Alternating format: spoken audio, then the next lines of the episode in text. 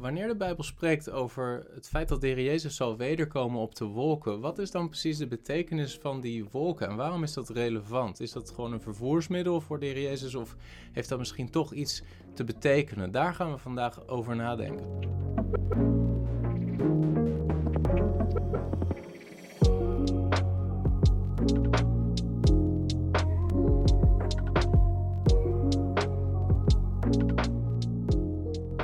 Aantal van mijn vorige video's heb ik stilgestaan bij de olijfbergreden van de Heer Jezus en uh, laten zien dat ik ervan overtuigd ben dat een gedeeltelijk preteristisch perspectief op de olijfbergreden waarschijnlijk de beste manier is om de olijfbergreden te lezen. Ik heb ook aangegeven dat het ingewikkeld is en dat ik er niet dogmatisch in ben, maar als de Heer Jezus zegt in de olijfbergreden dat deze generatie niet voorbij zal gaan voordat al deze dingen geschied zullen zijn, dan maak ik daaruit op dat de Olijfbergrede primair een oordeelsaankondiging is voor het volk Israël, die op het punt staat hun Messias te verwerpen en te laten kruisigen door de Romeinen. En vervolgens in de geschiedenis van de eerste eeuw zien we in het jaar 70 na Christus dat Jeruzalem en de tempel volledig vernietigd zijn door uh, generaal Titus onder uh, keizer Vespasianus. En ik geloof dat de Olijfbergrede daar pragmatisch in ben.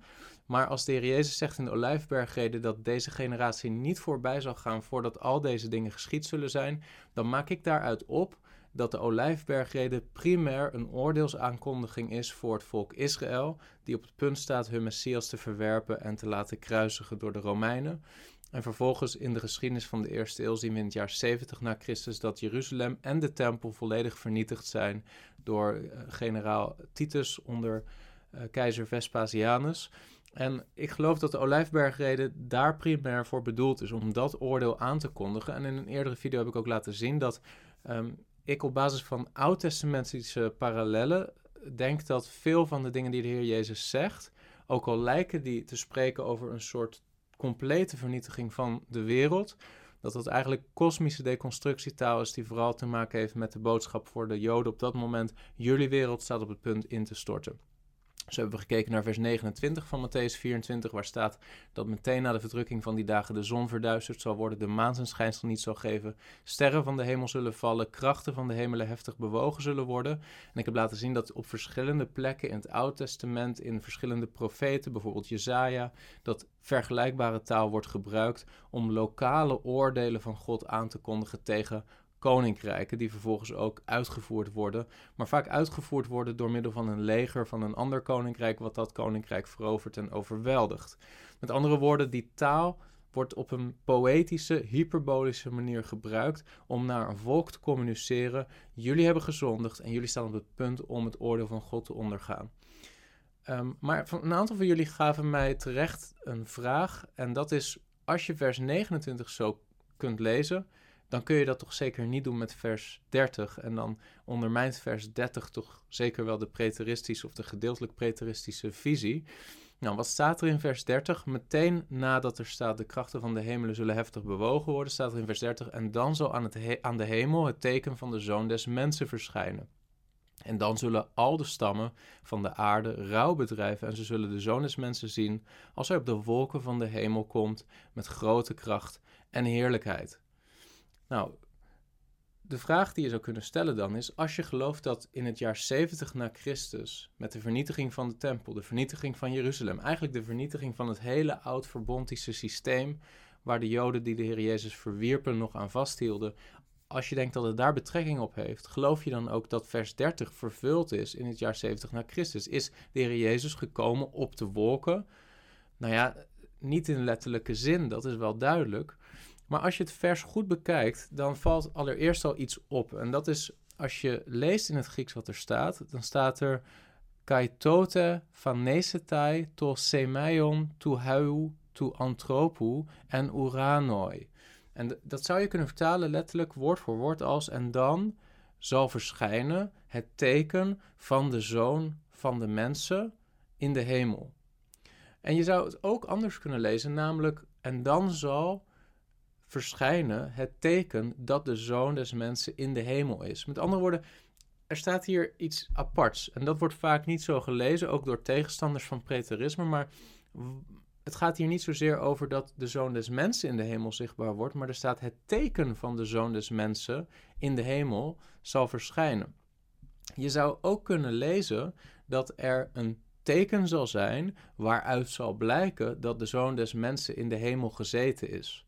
En als je kijkt naar wat waarschijnlijk de oud-testamentische parallel is met dit vers, dan begrijp je beter waarom dat wellicht de juiste manier is om het te lezen. Want waar zien we nog meer in het Oude Testament een zoon des mensen en wolken in een context van de hemel? Nou, dat lezen we in Daniel hoofdstuk 7, vers 13 en 14. Daniel heeft dan net geprofiteerd over verschillende beesten en dan gaat het over verschillende koninkrijken waar hij op profetische wijze over heeft gesproken. En dan lezen we in Daniel 7, vers 13 vervolgens ik keek toe in de nachtvisioenen en zie, er kwam met de wolken van de hemel, let op, de wolken van de hemel, iemand als een zoon des mensen, iemand als een mensenzoon. Dus die twee elementen die we vinden in de Olijfbergreden, in Matthäus 24, vers 30, zoon des mensen, wolken van de hemel, die vinden we in Daniel 7 ook. Ik keek toe in de nachtvisioenen en zie, er kwam met de wolken van de hemel iemand als een mensenzoon. Hij kwam tot de oude van dagen, met andere woorden, tot de vader, de zoon de Heer Jezus Christus komt in dit profetisch visioen van Daniel tot de Vader. En dan staat er, en men deed hem voor zijn aangezicht naderbij komen. Vers 14, hem werd gegeven heerschappij, eer en koningschap. En alle volken, natie en talen moesten hem vereren. Zijn heerschappij is een eeuwige heerschappij die hem niet ontnomen zal worden en zijn koningschap zal niet te gronden gaan. Met andere woorden, wanneer Daniel heeft gesproken over die vier beesten en wanneer hij uiteindelijk het ook heeft gehad over het Romeinse Rijk en dat machtige, intimiderende Romeinse Rijk, dan tot slot komt Daniel met deze opmerking: daarna zal er een koninkrijk zijn wat overgegeven wordt aan die zoon des mensen en wat een koningschap zal behelzen wat nooit zal eindigen. Alle volken, alle natie en alle talen moeten hem vereren, zijn heerschappij, zijn eeuwige heerschappij, die hem niet ontnomen zal worden. En dat in de context van die wolken van de hemel en die mensenzoon die met die wolken van de hemel komt bij de Vader, bij die oude vandaag. Met andere woorden, wanneer de Heer Jezus hierover spreekt in de Olijfbergreden en het heeft over zijn, zijn komst op de wolken, en specifiek naar zichzelf verwijst als de zoon des mensen, dan verwacht hij dat zijn toehoorders terugdenken aan Daniel 7 en ook de parallel leggen met het koningschap en het gezag wat aan hem gegeven wordt. Nou, wanneer is Daniel hoofdstuk 7, vers 13 en 14 precies vervuld? De Heer Jezus na zijn opstanding is naar de hemel gevaren en we lezen ook in Handeling hoofdstuk 1 dat een wolk onttrok de Heer Jezus aan de ogen van zijn discipelen. En op dat moment dat de Heer Jezus opgevaren is, neemt hij het koningschap in ontvangst van de Vader.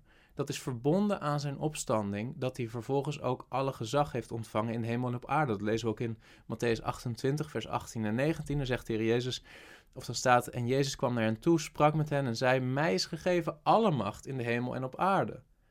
Waar lazen we dat eerder? In Daniel hoofdstuk 7, vers 13 en 14. De zoon is mensen, die komt bij de oude van dagen en ontvangt alle macht.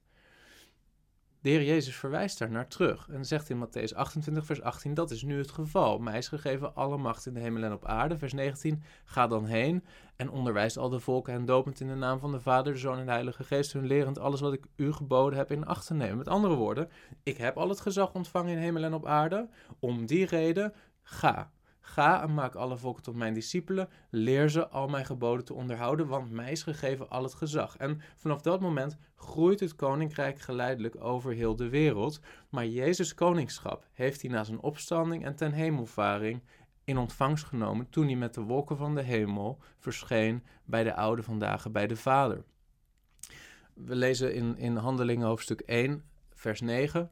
Nadat hij dit gezegd had, werd hij opgenomen terwijl zij het zagen en een wolk onttrok hem aan hun ogen. Nou, heb je daar wel eens over nagedacht? Wat is nou de relevantie van het feit dat een wolk de Heer Jezus onttrekt aan het zicht van zijn discipelen? En dat is, geloof ik, een parallel en een verwijzing naar Daniel hoofdstuk 7. Namelijk dat dat het moment is dat de zoon des mensen komt bij de oude vandaag en dat gezag in ontvangst neemt. Matthäus 26, vers 63, daar lezen we ook een interessant moment uit het leven van de Heer Jezus eh, aan de vooravond van zijn kruisiging, in de nacht eigenlijk, wanneer die staat voor de hoge priester, dan staat er, Matthäus 26, vers 63, maar Jezus zweeg en de hoge priester antwoordde hem, ik bezweer u bij de levende God dat u ons zegt of u de Christus bent, de Zoon van God. Vers 64, Jezus zei tegen hem, u hebt het gezegd. Met andere woorden, ja, ik ben de Christus, de Zoon van God. En dan zegt Jezus achteraan, maar ik zeg u, van nu aan zult u de Zoon des Mensen zien zitten aan de rechterhand van de kracht van God en zien komen op de wolken van de hemel.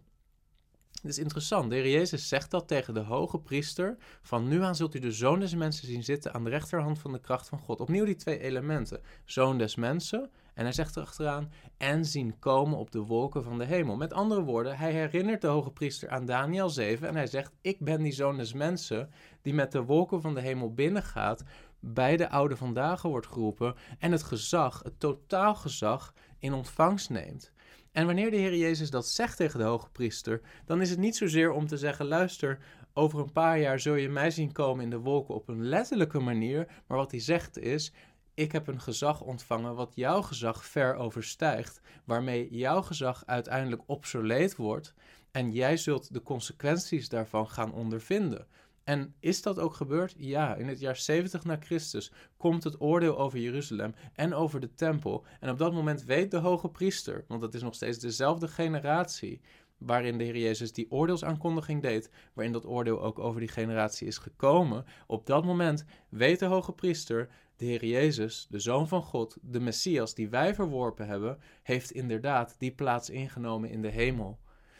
Het teken van het gezag van de Zoon des Mensen die in de hemel is. Het teken van de Zoon des Mensen die met de wolken is binnengegaan in de tegenwoordigheid van de oude vandaag en het totaal gezag in ontvangst genomen heeft, is op dat moment duidelijk voor iedereen, voor heel Jeruzalem, voor heel Israël. En we weten ook vanuit de geschiedschrijving dat de christenen, omdat ze die oordeelsaankondiging over Jeruzalem kenden, op tijd vluchten uit die stad en uiteindelijk naar Pella zijn gegaan, uh, terwijl Romeinse legioenen eh, Jeruzalem omsingelden en uiteindelijk ook de tempel vernietigd hebben. En daarmee het hele oud-verbondisch systeem gestopt hebben. Want na Jezus' kruisiging, na zijn opstanding, nadat de eerste gemeente ontstond, nadat de Heer Jezus al had aangegeven dat er een nieuw verbond zou zijn in zijn bloed, uh, lang daarna bleef het oud-verbondisch systeem doorlopen, inclusief de tempeldienst, inclusief het hoge priesterschap. En we zien ook wat voor conflict dat gaf, met name voor Joodse christenen die in de verleiding gebracht werden om terug te keren naar dat oud-verbondisch systeem. En de hele Hebreeënbrief is daar eigenlijk voor geschreven, voor christenen uit de Joden die tot de verleiding werden gebracht om terug te keren naar het oud-verbondisch systeem. En de schrijver van de Hebreeënbrief zegt eigenlijk nee, er is niks om naar terug te gaan. Het, het offer van de Heer Jezus is, is eindeloos veel kostbaarder en reëler dan het offer van dieren, de offers die gebracht worden in de tempel. Het priesterschap van de Heer Jezus is eindeloos veel kostbaarder dan het priesterschap van de mensen onder de orde van de Levieten.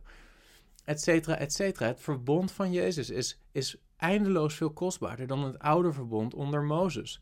Dat is het hele punt van de Hebreeënbrief en hij zegt ook in die brief dat wat verouderd is. En dan spreekt hij over het oude verbond. Dat wat verouderd is, staat op het punt om te verdwijnen. En dat gebeurde in het jaar 70 na Christus met de vernietiging van de tempel. Maar dat is niet de enige relevantie van die wolken en Jezus' aankondiging dat ze hem zullen zien komen met of op de wolken. We zien in het Oude Testament meermaals dat die wolken te maken hebben met het oordeel van God wat gaat komen over een volk. Bijvoorbeeld in Jesaja op stuk 19 vers 1 tot 4, daar schrijft Jesaja de last over Egypte. Zie, de Heere rijdt op een snelle wolk en komt in Egypte. De afgoden van Egypte zullen beven voor zijn aangezicht en het hart van de Egyptenaren zal smelten in hun binnenste. Dan zal ik Egyptenaren ophitsen tegen Egyptenaren, zodat zij zullen strijden, een ieder tegen zijn broeder, een ieder tegen zijn naaste, stad tegen stad, koninkrijk tegen koninkrijk. De geest van de Egyptenaren zal in hun binnenste verward worden. Ik zal hun plannen in de war brengen, dan zullen zij hun afgoden raadplegen, de dode bezweerders, de geesten van de doden en de waarzeggers. Ik zal de Egyptenaren overgeven aan de hand van harde heren, een vrede koning zal over hen heersen, spreekt de heren, heren van de legermachten. Dus hier een oordeelsaankondiging over Egypte door Jezaja. En die begint met de Heere rijdt op een snelle wolk en komt in Egypte. Dus met andere woorden, hier de komst van de Heer op een wolk is een beeldspraak die te maken heeft met oordeel wat gaat komen over Egypte. En dat is vervolgens niet op een letterlijke manier uitgevoerd, maar door middel van conflict situaties, door middel van een oordeel over, door middel van een vrede koning, lezen we in vers 4. Maar ook in Joël hoofdstuk 2, vers 1 tot 2, daar lezen we: Blaas de bazuin in Sion, sla alarm op mijn heilige berg, laat alle inwoners van het land sidderen, want de dag van de Heere komt, ja, is nabij. Het is een dag van duisternis en donkerheid, een dag van wolken en donkerheid. Dus opnieuw, de dag van de Heere, wat te maken heeft met een oordeel wat gaat komen, Ehm, en er is natuurlijk een laatste oordeel, er is een laatste dag van de Heer. Maar er zijn wel in de geschiedenis van Israël vaker momenten dat er een dag van de Heer wordt aangekondigd. En dat heeft te maken met de dag dat de Heer ongerechtigheid zal rechtzetten door een oordeel uit te voeren. En hier zien we dat ook. En dan wordt dat aangekondigd als een dag van duisternis, donkerheid. Zoals we ook lazen in de Olijfbergreden, de hemellichamen die verduisterd worden. Maar ook een dag van wolken en donkerheid. Dus als de Heer Jezus zegt: Ik kom met de wolken, dan is dat ook beeldspraak die zegt: Ik kom om te oordelen. Nahum 1, vers 2 en 3. Een naijverig God en een wreker is de Heer. Een wreker is de Heer en zeer grimmig. Een wreker is de Heer voor zijn tegenstanders en hij handhaaft zijn toorn jegens zijn vijanden. De Heer is geduldig, maar groot van kracht. En hij houdt de schuldigen zeker niet voor onschuldig. De weg van de Heer is in de wervelwind en in storm. Wolken zijn het stof van zijn voeten. Zie je dat? Wolken zijn het stof van zijn voeten. Hij komt op de wolken. Maar wat is de context? Oordeel. Als God komt, als de Heer komt op de wolken, dan is de boodschap: er komt oordeel. Zefania 1, vers 14 en 15, tot slot. De grote dag van de Heer is nabij. Hij is nabij en nadert zeer snel. Hoor, de dag van de Heer. De held zal daar bitter schreeuwen. Een dag van verbolgenheid is die dag. Een dag van benauwdheid en angst. Een dag van verwoesting en vernietiging. Een dag van, let op, wolken en donkerheid. Een dag van donkere wolken. Dus we hebben genoeg voorbeelden, en er zijn er wel meer, in het Oude Testament in de context van oordeelsaankondigingen en profetieën, dat we het beeld van wolken zien. En wanneer we dan weer teruggaan naar de Olijfbergreden, en we lezen Matthäus 24, vers 30, dan staat er dus, dan zal aan de hemel het teken van de Zoon des Mensen verschijnen, of zoals we eerder zagen, je kan hem ook lezen als, dan zal het teken van de Zoon des Mensen die in de hemel is verschijnen. En dan zullen al de stammen van de aarde, en dat kun je dus ook vertalen als alle stammen van het land, met andere woorden de stammen van Israël, dan zullen de stammen van Israël rouw bedrijven. En ze zullen de zoon des mensen zien als hij op de wolken van de hemel komt met grote kracht en heerlijkheid. Nu, vanuit een preteristisch perspectief, als we alles zo even samennemen, zou je dit uitleggen als volgt. Bij het oordeel over Jeruzalem, bij de vernietiging van de tempel, is de zoon des mensen verschenen op de wolken van oordeel. Niet op een letterlijke manier. De Heer Jezus is niet fysiek gekomen. Zo kijken preteristen niet naar deze uh, woorden.